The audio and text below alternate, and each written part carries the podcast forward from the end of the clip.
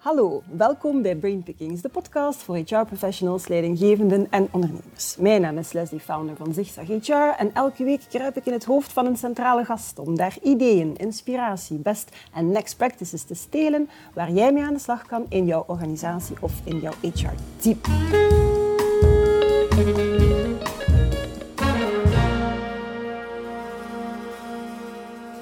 En ik mag vandaag in het hoofd kruipen van Sophie van Emeren, HR en People Lead bij Mobile Vikings. En ik kruip ook in het hoofd van Sophie van Ham, HR Manager Benelux bij Eurofins Digital Testing. Eurofins Digital Testing is een onderdeel van de internationale beursgenoteerde Eurofins groep en met hun divisie Cybersecurity zijn ze gespecialiseerd in quality assurance, testing en cybersecurity voor software- en hardware toepassingen. Ze zijn actief in Duitsland, België, Nederland, Zweden, Hongkong, UK en in de US. Mobile Vikings dan is een mobile virtual network operator, zoals dat heet, en werd gelanceerd in 2008 als een beweging die het internet vrij zou maken. Nog voor de uitvinding van de iPhone wilden zij al mobiele apps ontwikkelen, maar ze botsten daarbij al heel snel op de toenmalige beperkingen van mobiel internet. Te duur, te onstabiel, ontoegankelijk. En het feit dat ze een provider geworden zijn, was eigenlijk eerder een middel om een ander doel te bereiken. Maar uiteindelijk, wegens groot succes, is het dan toch maar het doel op zich geworden. Zo werden ze de eerste Belgische provider die specifieke tariefplannen had gericht op mobiel internet. Het had eigenlijk evengoed mobile pirates kunnen zijn, vertelde Sophie van Emerme. Aanvankelijk wist Mobile Vikings voornamelijk studenten aan zich te binden met fantastische campagnes via social media. En ondertussen zijn die studenten natuurlijk meegegroeid met het bedrijf en trekken ze ondertussen wel een veel ruimere doelgroep aan. Dat edgy kantje en de rol van challenger die zijn wel gebleven.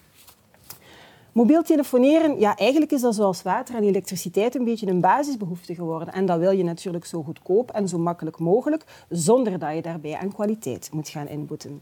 Ja, en hetzelfde geldt in principe gewoon in de bedrijfscontext. En het is daarom dat ze bij Mobile Vikings een nieuw aanbod hebben gelanceerd, Mobile Vikings for Business. Zo willen ze ondernemingen helpen om tijd en geld te besparen en een verloningsproces zo efficiënt mogelijk te maken en toch tegelijkertijd employee-centric te blijven door hun medewerkers de flexibiliteit te bieden die ze vandaag verwachten, ook in hoe ze verloond worden. Hun doelgroep met dat aanbod? Ieder bedrijf dat HR-processen efficiënter wil maken, lees goedkoper en sneller, maar tegelijkertijd employee centricity hoog in het vaandel draagt. Daar gaan we het dus zeker over hebben in deze podcast. Over het belang van employee centricity, over de uitdagingen die beide dames zien in HR, over het spanningsveld tussen hoe je enerzijds HR-processen liever zo lean mogelijk kan houden, maar anderzijds toch je medewerkers centraal wil stellen. En ik geef alvast een spoiler alert, er hoeft eigenlijk helemaal geen spanningsveld te zijn. Dag dames. Hallo. Hallo. Alles goed met jullie? Absoluut. Ja. In een heel fijne locatie. Dankjewel dat we hier te gast mochten zijn. In de, voor mij het heel verre Hasselt. Het is bijna een beetje een dagtrip. Het voelt een beetje als reizen, maar een fantastische plek. Hè? Ja. Effectief, die vibe. Ook al is er heel weinig tot geen volk. Dus, uh, het voelt heel fijn. Um, Sophie, bijna was het dus, ja, gelijk dat ik net zei, Mobile Pirates geweest hè, in plaats van Mobile Vikings. Wat heeft de doorslag eigenlijk gegeven? Ja, twee namen lagen op tafel, maar mm-hmm. Vikings hebben zo toch een net positievere associatie. Mm -hmm. Piraterij klinkt uh, wat negatiever tegenover de vikings. Die komen met iets meer weg. Terwijl je toch dat edgy okay. kantje uh, hebt. En uh, ja, we zijn vandaag heel blij dat we die, die naam ja. gekozen hebben destijds. Okay, super, dus het gaat zo blijven. Absoluut. Oké. Okay. Um, je hebt de naamgenoot meegebracht, Sophie ja. van Ham. Um, hoe hebben jullie elkaar leren kennen? We hebben elkaar 13 jaar geleden leren kennen. We hebben dat net uitgeteld toen we collega's, uh, ja, collega's waren oh, bij, uh, oud, ja. Ja, bij Hudson. Mm -hmm. uh, en sindsdien gewoon heel vaak contact blijven houden. Als we raad of advies nodig hadden, konden we altijd bij elkaar terecht. Een klein HR-netwerk, maar in dat heel hard aan elkaar hangt. Ja. Ja. En ook professioneel hebben we samengewerkt, omdat onze consultants van het Eurofins ook bij Mobile Vikings actief zijn. Okay. Super. Zeg, en um, Sophie, als ik, als ik aan jou zou vragen om, om Mobile Vikings te omschrijven, wat komt er dan bij je op? Ja, sowieso telecom. Hè. Ik denk dat dat heel evident is. Um, maar ook dat rebelse. Hè. Daar ja. zit zowel een, een rebels kantje aan um, bij Mobile Vikings. Um, en ik denk dat ze ook durven om zo af te wijken van de begane paden. Hè. Dus ja. dat ze daar ook wel echt heel sterk in zijn. En wat bij mij natuurlijk als eerste naar boven komt, is die pricing. Hè. Dat ze daar ook heel sterk op, mm. uh, op inzetten. Ja, ja absoluut. Zeg, en vice versa. Hoe zou jij dan het bedrijf van Sophie gaan, uh, gaan omschrijven, Jovins? Ja, het, het testingverhaal is al, mm al gebracht, maar ik zou het vooral omschrijven als een bedrijf dat ook het hart op de juiste plaats heeft, mhm. voldoende aandacht voor die medewerker en die medewerker centraal stellen. En inderdaad, Sofie heeft al aangehaald, we hebben hier ook regelmatig consultants van hen bij ons over de vloer als er extra moet getest worden. En uh, die klik is er dan wel. Die mensen voelen zich hier ook direct thuis, dus we voelen dat we zo diezelfde cultuur wel wat ja. uh, nastreven. Ja, dezelfde vibe, wat effectief belangrijk is inderdaad, ook als er consultants uh, over de vloer komen. Oké, okay, maar dus professioneel en privé een, een goede vibe tussen, een klik tussen, tussen jullie beiden. Ja. Um, ja, heel fijne werkomgeving lijkt mij sowieso hier op Corda Campus. Ook als je binnenkwam, ah enfin, je, je voelt dat direct. Hè, de spotlightkamer, elke, elke ruimte, elke vergaderruimte heeft ook zijn, zijn eigen naam. Hoe belangrijk is de werkomgeving volgens jullie op welbevinden van mensen? Ik denk wel belangrijk. In normale tijden spendeer je hier toch uh, een, een, heel aantal uren per dag. Mm -hmm. uh, dus we willen dat dan ook inspirationeel is, uh, dat het een leuke plek is om te vertoeven, dat mensen hier uh, zichzelf kunnen zijn en zich mm. op, uh, op hun gemak voelen. Dus ja, we hebben een aantal jaar geleden goed geïnvesteerd in verbouwingen en, ja. en het leuk aankleden van, van de kantoren. Ja. ja. Oké, okay. en is dat bij jullie ook zo'n inspirerende plek? Ja, wij zitten dus ook op de Corda campus. Ah, okay. dus, ja, dus hadden jullie bij jullie ook kunnen? Inderdaad, altijd welkom. Maar het is dus inderdaad ook, de campus is ook heel inspirerend. dat je inderdaad met andere bedrijven die toch ook wel gelijkaardig aardige eh, dingen doen eh, op de campus zit. Die gemeenschappelijke diensten die aangeboden worden, vergaderzalen. Je kan hier ook lezingen en zo meepikken van iedereen. Mhm. En ik denk zo door de hele situatie waar we in verzeild geraakt zijn met corona, dat dat nog meer hè, het belang daarvan benadrukt van die goede werkomgeving en elkaar ook toch te kunnen ontmoeten. Mhm. dus um, onze mensen kijken ook echt terug uit naar het bruisende campusleven hier op de Corda. Ja. ja. maar het, eh, hoe zeggen ze dat? Het, het, licht aan het einde van de tunnel is toch uh, nabij. En nu mogen we echt wel een beetje perspectief uh, durven, durven te zien. Um, maar ik kan me dan inderdaad inbeelden, de verschillende bedrijven die hier op die Corda campus zitten, dan heb je eigenlijk de identiteit, maar toch ook die kruisbestuiving. Klopt. Dat dan nog wat, nog wat meer de innovatie en samenwerking en leren van elkaar gaat stimuleren. Mm -hmm. ja, en het sterke vind ik, sorry, van ook de PXL, hè, zit hier mm -hmm. bijvoorbeeld ook, hè, de hogeschool. Ja. Um, dus die kruisbestuiving is er ook met hen en, en dat vind ik wel heel tof. Ja. Zo al die verschillende uh, partijen uh, die dan toch eigenlijk samenkomen op één plaats. Absoluut. Ja, samenwerken over de grenzen heen. En dat wordt ook echt gestimuleerd vanuit de campus. Mm -hmm. uh, van elkaar te kunnen leren kennen, eens op bedrijfsbezoek te gaan bij elkaar. Uh, Mooi. Ja. ja. Mooi. Um, employee centricity, hè? medewerkers centraal zetten. Net zoals dat voor consumenten ja, de emotionele support, flexibilisering, personalisatie belangrijk is geworden. Ja, die trend trekt zich uiteraard ook door in het bedrijfsleven. Um, ja, Sophie, heb jij dat dan bijvoorbeeld de afgelopen jaren um, ook zien gebeuren? En op welke manier geven jullie daar dan concreet invulling aan uh, mm -hmm. op het bedrijf? Ja, wij investeren daar eigenlijk enorm in. Hè. Wij geloven daar ook in dat dat de HR van de toekomst is. Mm -hmm. Naar onze klanten toe gaan wij ook echt kijken van hoe kunnen we hè, op maat eigenlijk uh, onze, onze service gaan, gaan afstemmen. Uh, en dat doen we ook bij HR. Hè. Dus mm -hmm. zo de one-fits-all uh, ja. formule, daar geloven wij eigenlijk niet meer in. Dus we proberen echt zoveel mogelijk te differentiëren, mm -hmm. hè, zodat iedereen toch wel de noden die hij heeft kan terugvinden. Ja. Nu, voorbeelden kan ik echt ja, een uur over vertellen. uh, maar dat zit eigenlijk op alle domeinen binnen HR okay. wel. Hè. Dus als we kijken bijvoorbeeld naar development, Um, dan gaan wij ook niet meer... Vroeger had je echt van die learning paths en iedereen moest alles gevolgd hebben. En dat was het ja. aftikken van oké, okay, wie heeft welke opleiding al gevolgd, welke moeten ze nog volgen. Daar zijn wij volledig van afgestapt. Wij geven nu die keuzemogelijkheid echt aan de medewerker. Die verantwoordelijkheid ligt ook bij hen. Maar dat er natuurlijk wel een heel duidelijk kader is. Ja. Dus er is natuurlijk een budget, er zijn een aantal dagen die ze kunnen gebruiken. Wij gaan ook kijken welke trainingen kunnen interessant zijn. Maar het is wel de medewerker die zelf ja. een stukje gaat aangeven van kijk, daar heb ik nood aan. En wat wij merken is dat mensen ook veel liever naar die opleidingen komen. Mm -hmm. Want het is ook vanuit hun interesses, vanuit hun passies, eh, dat ze eigenlijk die opleidingen kunnen gaan, eh, gaan ja. volgen. Maar zo zit dat eigenlijk in alle HR-domeinen vervat hè, die, mm -hmm. we, die we doen. We zijn bijvoorbeeld nu ook met corona merken we ook, zoals in elke onderneming, hè, welbevinden heel belangrijk. Mm -hmm. We hebben dat ook gemerkt aan de hand van bevragingen, dat dat toch wel hè, onder druk ook kwam te staan. Dus we zijn ook echt met coachings eh, begonnen. Maar we zouden kunnen zeggen van oké, okay, uit die bevragingen zien wij ook wel waar problemen zitten. we gaan geen uniform coachingprogramma Mhm. uitrollen. Maar we geven hen wel de mogelijkheid om drie coachingsessies te volgen. Ja. En ze hebben daar de keuze uit een aantal coachingsessies. Hè, gaande van bewegen, voeding, eh, digital detox, eh, noem maar op. Wandelcoachings. Maar zo geven we hen eigenlijk wel de mogelijkheid om te gaan kiezen. Binnen een afgeleid Ja. kader natuurlijk. Hè, want dat is wel, eh, Ja. wel belangrijk. Ik zie u heel enthousiast. Ja, ik denk Je dat, herkent het. dat in heel veel Ja. aspecten van dat HR-beleid dat het aan HR is om dat kader mee te geven en daarbinnen de keuzevrijheid Mhm. Ja. bij de medewerker te leggen. Ja, Of maar dat kader inderdaad- is toch inderdaad wel Ja, ah, dat, dat belangrijk. Om. En om te stimuleren en om goed aan te geven, ehm, ja, wat zijn de grenzen, wat zijn de mogelijkheden, wat zijn de. Ja. opties. Maar bied tooling aan, bied processen aan, bied keuzes aan, maar laat dan de keuzes bij de medewerker Ja. eh, zelf. Ja, of het nu gaat om autonomie. of om ontwikkeling, of om... Ja, ehm, Oké. Nu, als we, als we daar dan... Eh, want effectief, we willen die mensen de vrijheid geven en, en, en dat ze voelen van ik, I'm in charge, ik zit aan het stuur.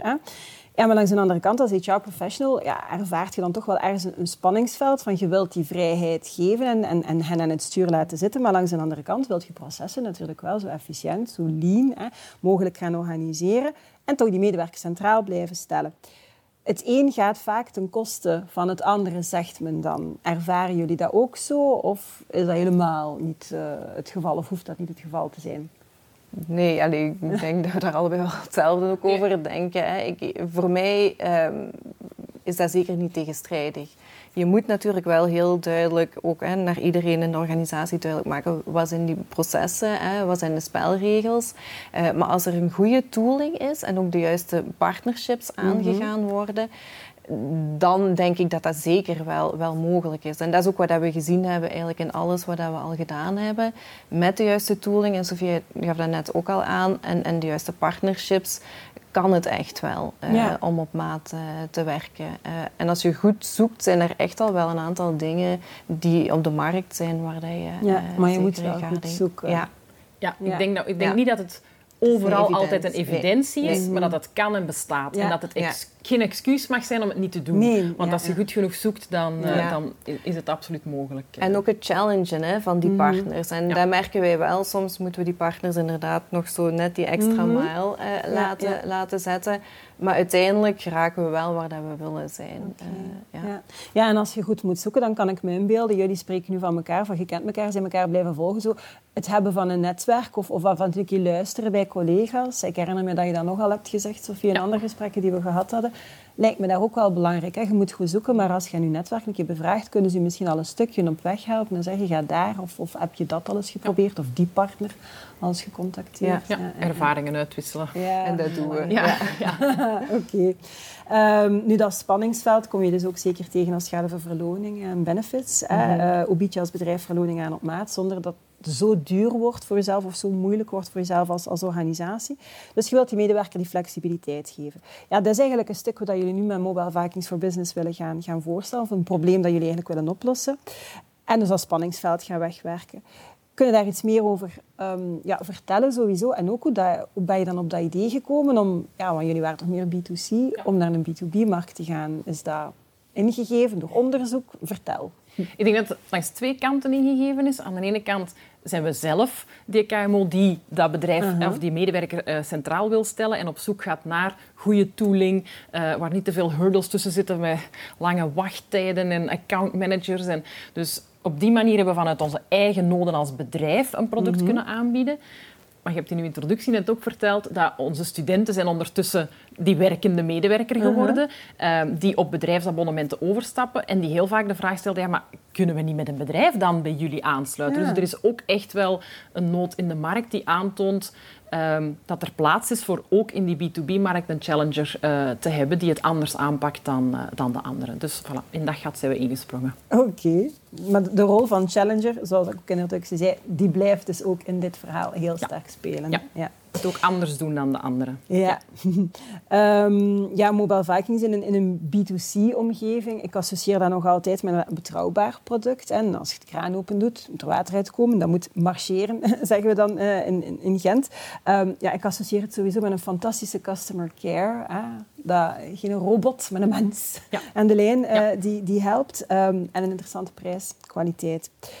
Zijn dat ook de associaties die je dan wil leggen als het gaat over mobile, uh, mobile vikings for business? Of zijn er nog andere proposities of nog andere zaken die je, die je extra aanbiedt of belooft?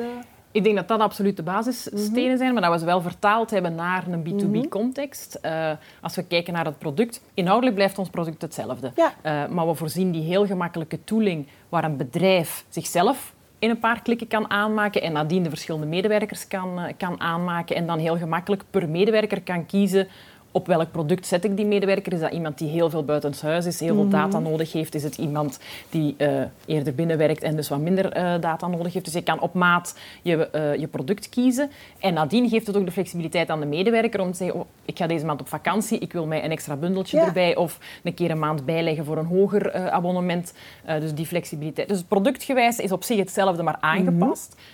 Ik denk hetzelfde voor onze customer care ehm, afdeling. Ook daar hebben we medewerkers getraind om specifiek die vragen van de bedrijven te gaan mhm. beantwoorden. Maar verder blijft het hetzelfde. Je belt binnen de paar seconden nemen wij op. Heb je onmiddellijke mensen aan de lijn. Iemand die ook in de drie talen kan te woord staan. Dus ook geen mhm. IVR om eerst te zeggen ik wil met de boekhoudafdeling oh, doorverbonden worden. Nee, je krijgt onmiddellijk iemand van mhm. onze medewerkers die jou met alle vragen kan Geen eh, irritante? Nee, nee, nee, geen, uh, geen wachttijden. um, dus dat hebben we ook aangepakt. En inderdaad de prijs. Ook daar uh, slagen we erin om dat product aan uh, gemiddeld 33% goedkoper dan de collega's in de markt te zetten. Straf. Ja. Mm -hmm. Um, het doet mij eigenlijk, uh, als ik jou, jouw verhaal vertel, ook een beetje aan, aan, het verhaal van Steven van Bellegem uh, denken. Uh, ja, digital convenience, wat hij over spreekt, maar nu ook in zijn laatste boek, The Offer You Can't Refuse. En digitaal gebruiksgemak zegt hij, dat is gewoon, ja, eigenlijk is dat het Olympisch minimum geworden. En als je als bedrijf in slaagt, zegt om een goed werkende digitale dienstverlening aan te bieden, maar dan ook om een levenspartner te zijn van uw klanten, en mee een oplossing te bieden voor maatschappelijke problemen, dan zegt hij, dan, dan bouwt je eigenlijk een offer you can't refuse. Is dat ook iets wat jullie bij Mobile Vikings en bij Eurofins realiseren? Ja, ik denk, allez, digital first is ook een van onze prioriteiten. Mm. dat moet ongelooflijk gemakkelijk werken. Uh, die UX moet heel goed zitten. Je moet heel intuïtief aanvoelen hoe kan ik hier uh, een simkaart aanvragen of mijn abonnement aanpassen, uh, wat dan ook. Uh, we, we, willen geen tooling die eerst een opleiding voorziet. want ja. voilà. Dus ik denk die kaart trekken we absoluut. Ehm, ja, en het toegang geven tot dat mobiel internet en dat dan een, een heel aanvaardbare prijs kunnen doen, ja, dat is altijd ons motto ja. geweest en dat blijft dat ook, ook vandaag. Mm -hmm. Ja. Wij bieden natuurlijk ook die kwaliteit hè, door onze consultants hè, die, dat we, die dat we aanleveren, maar ook de services die wij aanbieden. En dat draait net allemaal rond die kwaliteit. Hè. Dus bedrijven komen bij ons om net te verzekeren dat die digitale toepassingen die ze lanceren, uh, die ze in de markt brengen, dat ze dat ook met een gerust hart kunnen doen en dat die kwaliteit ook uh, gegarandeerd wordt. Ja. Dus uh, daar zorgen onze mensen ook mee, mee, voor. Dus wij vinden het natuurlijk superbelangrijk. Mm -hmm. Zeg, en, en, die maatschappelijke uitdagingen, want dat begint toch ook meer en meer te spelen. Bieden jullie daar een oplossing? Of, of, of, of in welke mate draag je bij aan een, aan een beter milieu of een betere maatschappij met, met de, de, het product of de dienst dat je biedt? Ja, en bij ons onze laatste innovatie daar is dat we eSIM ook aanbieden, waardoor mhm. dat we uh, geen fysieke simkaart meer moeten opsturen naar mensen okay. thuis, maar dus een digitale ja. simkaart. Als uw toestel het toelaat, ja. bieden wij het alles maar op termijn aan. gaat dat inderdaad dat gaat, ook. De markt gaat daar naar, naar evolueren en voilà, we zijn daar klaar voor als bedrijf. En die innovatie hebben we ook in de markt gezet. Dus Vikings die een e-sim willen, kunnen dat ook al aanvragen. Dus op die manier proberen we inderdaad ook maatschappelijk en duurzaam te, kunnen, te kunnen blijven werken. Ja, want ik, ik krijg toch echt wel het beeld dat we daar beyond de hype zijn aan het gaan. En dat dat voor sollicitanten en medewerkers steeds meer speelt. Ook voor klanten, maar ook voor medewerkers en sollicitanten. Willen bij een bedrijf werken die, die, die het goed doet en voor heeft met haar mensen. Maar ook inderdaad met de planeet as such, ja, met mijn klimaat en alles wat daarbij komt kijken. Dus ik, uh, ja, ja oké, okay, ik, zie, ik zie dat inderdaad wel uh, gebeuren. Um, Mobile Vikings is een community, sowieso. Mensen voelen zich echt verbonden hè, met, met, met dat merk. Dan vraag ik me af, hoe vertaalt zich dat naar jullie HR-beleid? En uiteraard ben ik ook benieuwd hoe dat zich dat dan bij jullie uh, vertaalt. Of dat jullie ook een community hebben. Um, ja, ik denk een community heeft heel vaak te maken met belonging, erbij horen. Ja, uh, ja daar spelen we hier wel op in. Um, door nu met corona ook regelmatig dingen naar mensen thuis te sturen, mm. gebrand in het... in, Ehm, het zijn ook vaak collectors items bijna geworden, ja, ja, onze, ja. onze, helmen enzovoort. Ik heb begrepen dat ze alles durven verdwijnen. ja, uh, dus ik denk die, uh, dat gevoel van uh, erbij horen, samen dingen mm. neerzetten en verwezenlijken, um, inspelen op crossfunctioneel, die teams die samenwerken, die die projecten samen neerzetten. Um, ja, dat, dat, is voor ons ontzettend belangrijk en daar, daar werken we wel hard, hard naartoe. Ja. Mm -hmm. Hebben jullie ook zo een community? Ja, ik denk dat dat heel belangrijk is in elke HR. Nee.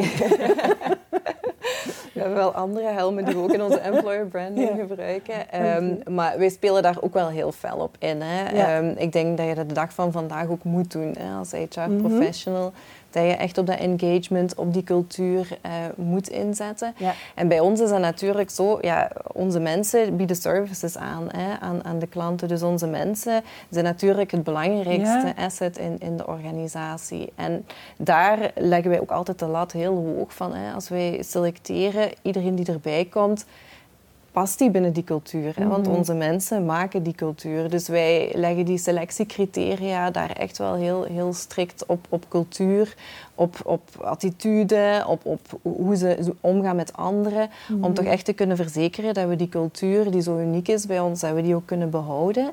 En langs de andere kant wordt die dan ook uitgedragen hè, naar de klanten, uh, maar ook in onze employer branding natuurlijk. Ja. Uh, maar we vertrekken altijd wel vanuit het interne, vanuit het authentieke, uh, wat we heel belangrijk vinden, om het dan eigenlijk ook naar eh, de buitenwereld te ja. gaan communiceren. De buitenwereld gaat het waarschijnlijk gewoon voelen of ervaren als het intern geleefd en beleefd wordt. Je kunt dat niet faken. Hè. Je nee. kunt daar een sausje of een laagje overgieten, nee. ongetwijfeld, maar daar zien mensen sowieso door. Hè. Ja, ik denk die gelukkige medewerker zorgt inderdaad voor die gelukkige klant, zeggen viking, we gebruiken niet graag het woord, uh, het woord klant, mm -hmm. uh, maar door heel hard in te zetten ja. op die engagement, uh, dat uh, goed gevoel van uw medewerker mm -hmm. en het, mhm. bij het bedrijf horen en zich daar thuis ja. voelen, dat straal je af, absoluut, naar in ons geval onze gebruikers, onze vikings. Ja, en ik vind het eigenlijk zelfs, er zit een stukje een paradox in. Je hebt enerzijds mensen willen die personalisering, ze willen het heel individueel op maat van zichzelf, en anderzijds willen ze wel allemaal tot die tribe, tot die community horen. Dus er zit een beetje een, een paradox in, en then again dat maakt het boeiend. Ja, ja, hoeft het geen paradox te zijn, noodzakelijk. Um, even naar jullie persoonlijk. Uh, we gaan even naar uh, het zelfleiderschap uh, luikje. De grootste fout die jullie ooit gemaakt hebben. Ben ik heel benieuwd naar. En vooral wat je daaruit geleerd hebt. Dan komen meestal de spannende verhalen. Ah ja, oei. Ja. Ik vind dat zo'n moeilijk woord, de grootste fout. Ik ben niet mm. iemand die heel lang blijft hangen in dingen die mm. niet goed gelopen zijn. Ik probeer daar mijn lessen uit te trekken en vooruit te gaan. Um, ik was daar net wel aan het denken, de Hire for Culture. Mm -hmm. um, daar waar ik me ooit in sollicitatieprocedures heb laten vangen om toch naar de skills te gaan en niet ja. de match met het bedrijf voorop te stellen. Um, ik denk dat ik dat echt geleerd heb van dat niet meer te doen. Ik denk okay. dat dat een belangrijke is om uh, die match met die cultuur, dat bedrijf, die waarde van dat bedrijf, daar voorop te blijven stellen. Is dat dan een grootste fout? Nee, maar ik denk, met dat je ouder wordt, leer je waar ben ik goed in, waar ben ik niet goed in. Wat zijn dingen ja. uh, waar ik mij in laat versterken door anderen. Uh, of wat zijn dingen waar ik, dat doen we niet meer. We gaan het in het vervolg wel mm -hmm. harder uh, aan een motto vasthouden. Is dat een van de ja. dingen waar ik wel aan moest denken bij die vraag. Ja, leren inderdaad. En fouten hangt inderdaad precies nog altijd zoiets negatiefs aan. Hè? Zo van, ja. ik heb daar spijt van. Terwijl, als ik Joris dat een heel belangrijk inzicht dat ja. we gewoon meegenomen ja. hebt, dat we het eigenlijk beter zo zouden uh, kunnen doen. Heb jij dan een heel grote fout gemaakt? ik heb gelukkig... ik heb gelukkig wel altijd gewerkt in omgevingen waar fouten inderdaad gezien werden als iets van, daar kan je uit leren. Mm. Hè. Um, nu, ik, ik heb wel natuurlijk gaandeweg geleerd hoe dat je makkelijker um, als HR-professional bepaalde zaken implementeert. En ja, zaken die je wil veranderen, ik was met mijn jeugdig enthousiasme nogal snel om, om dingen hè, aan te pakken. En daar heb ik wel geleerd van soms is het nodig om toch wel een aantal mm -hmm. stappen terug te zetten.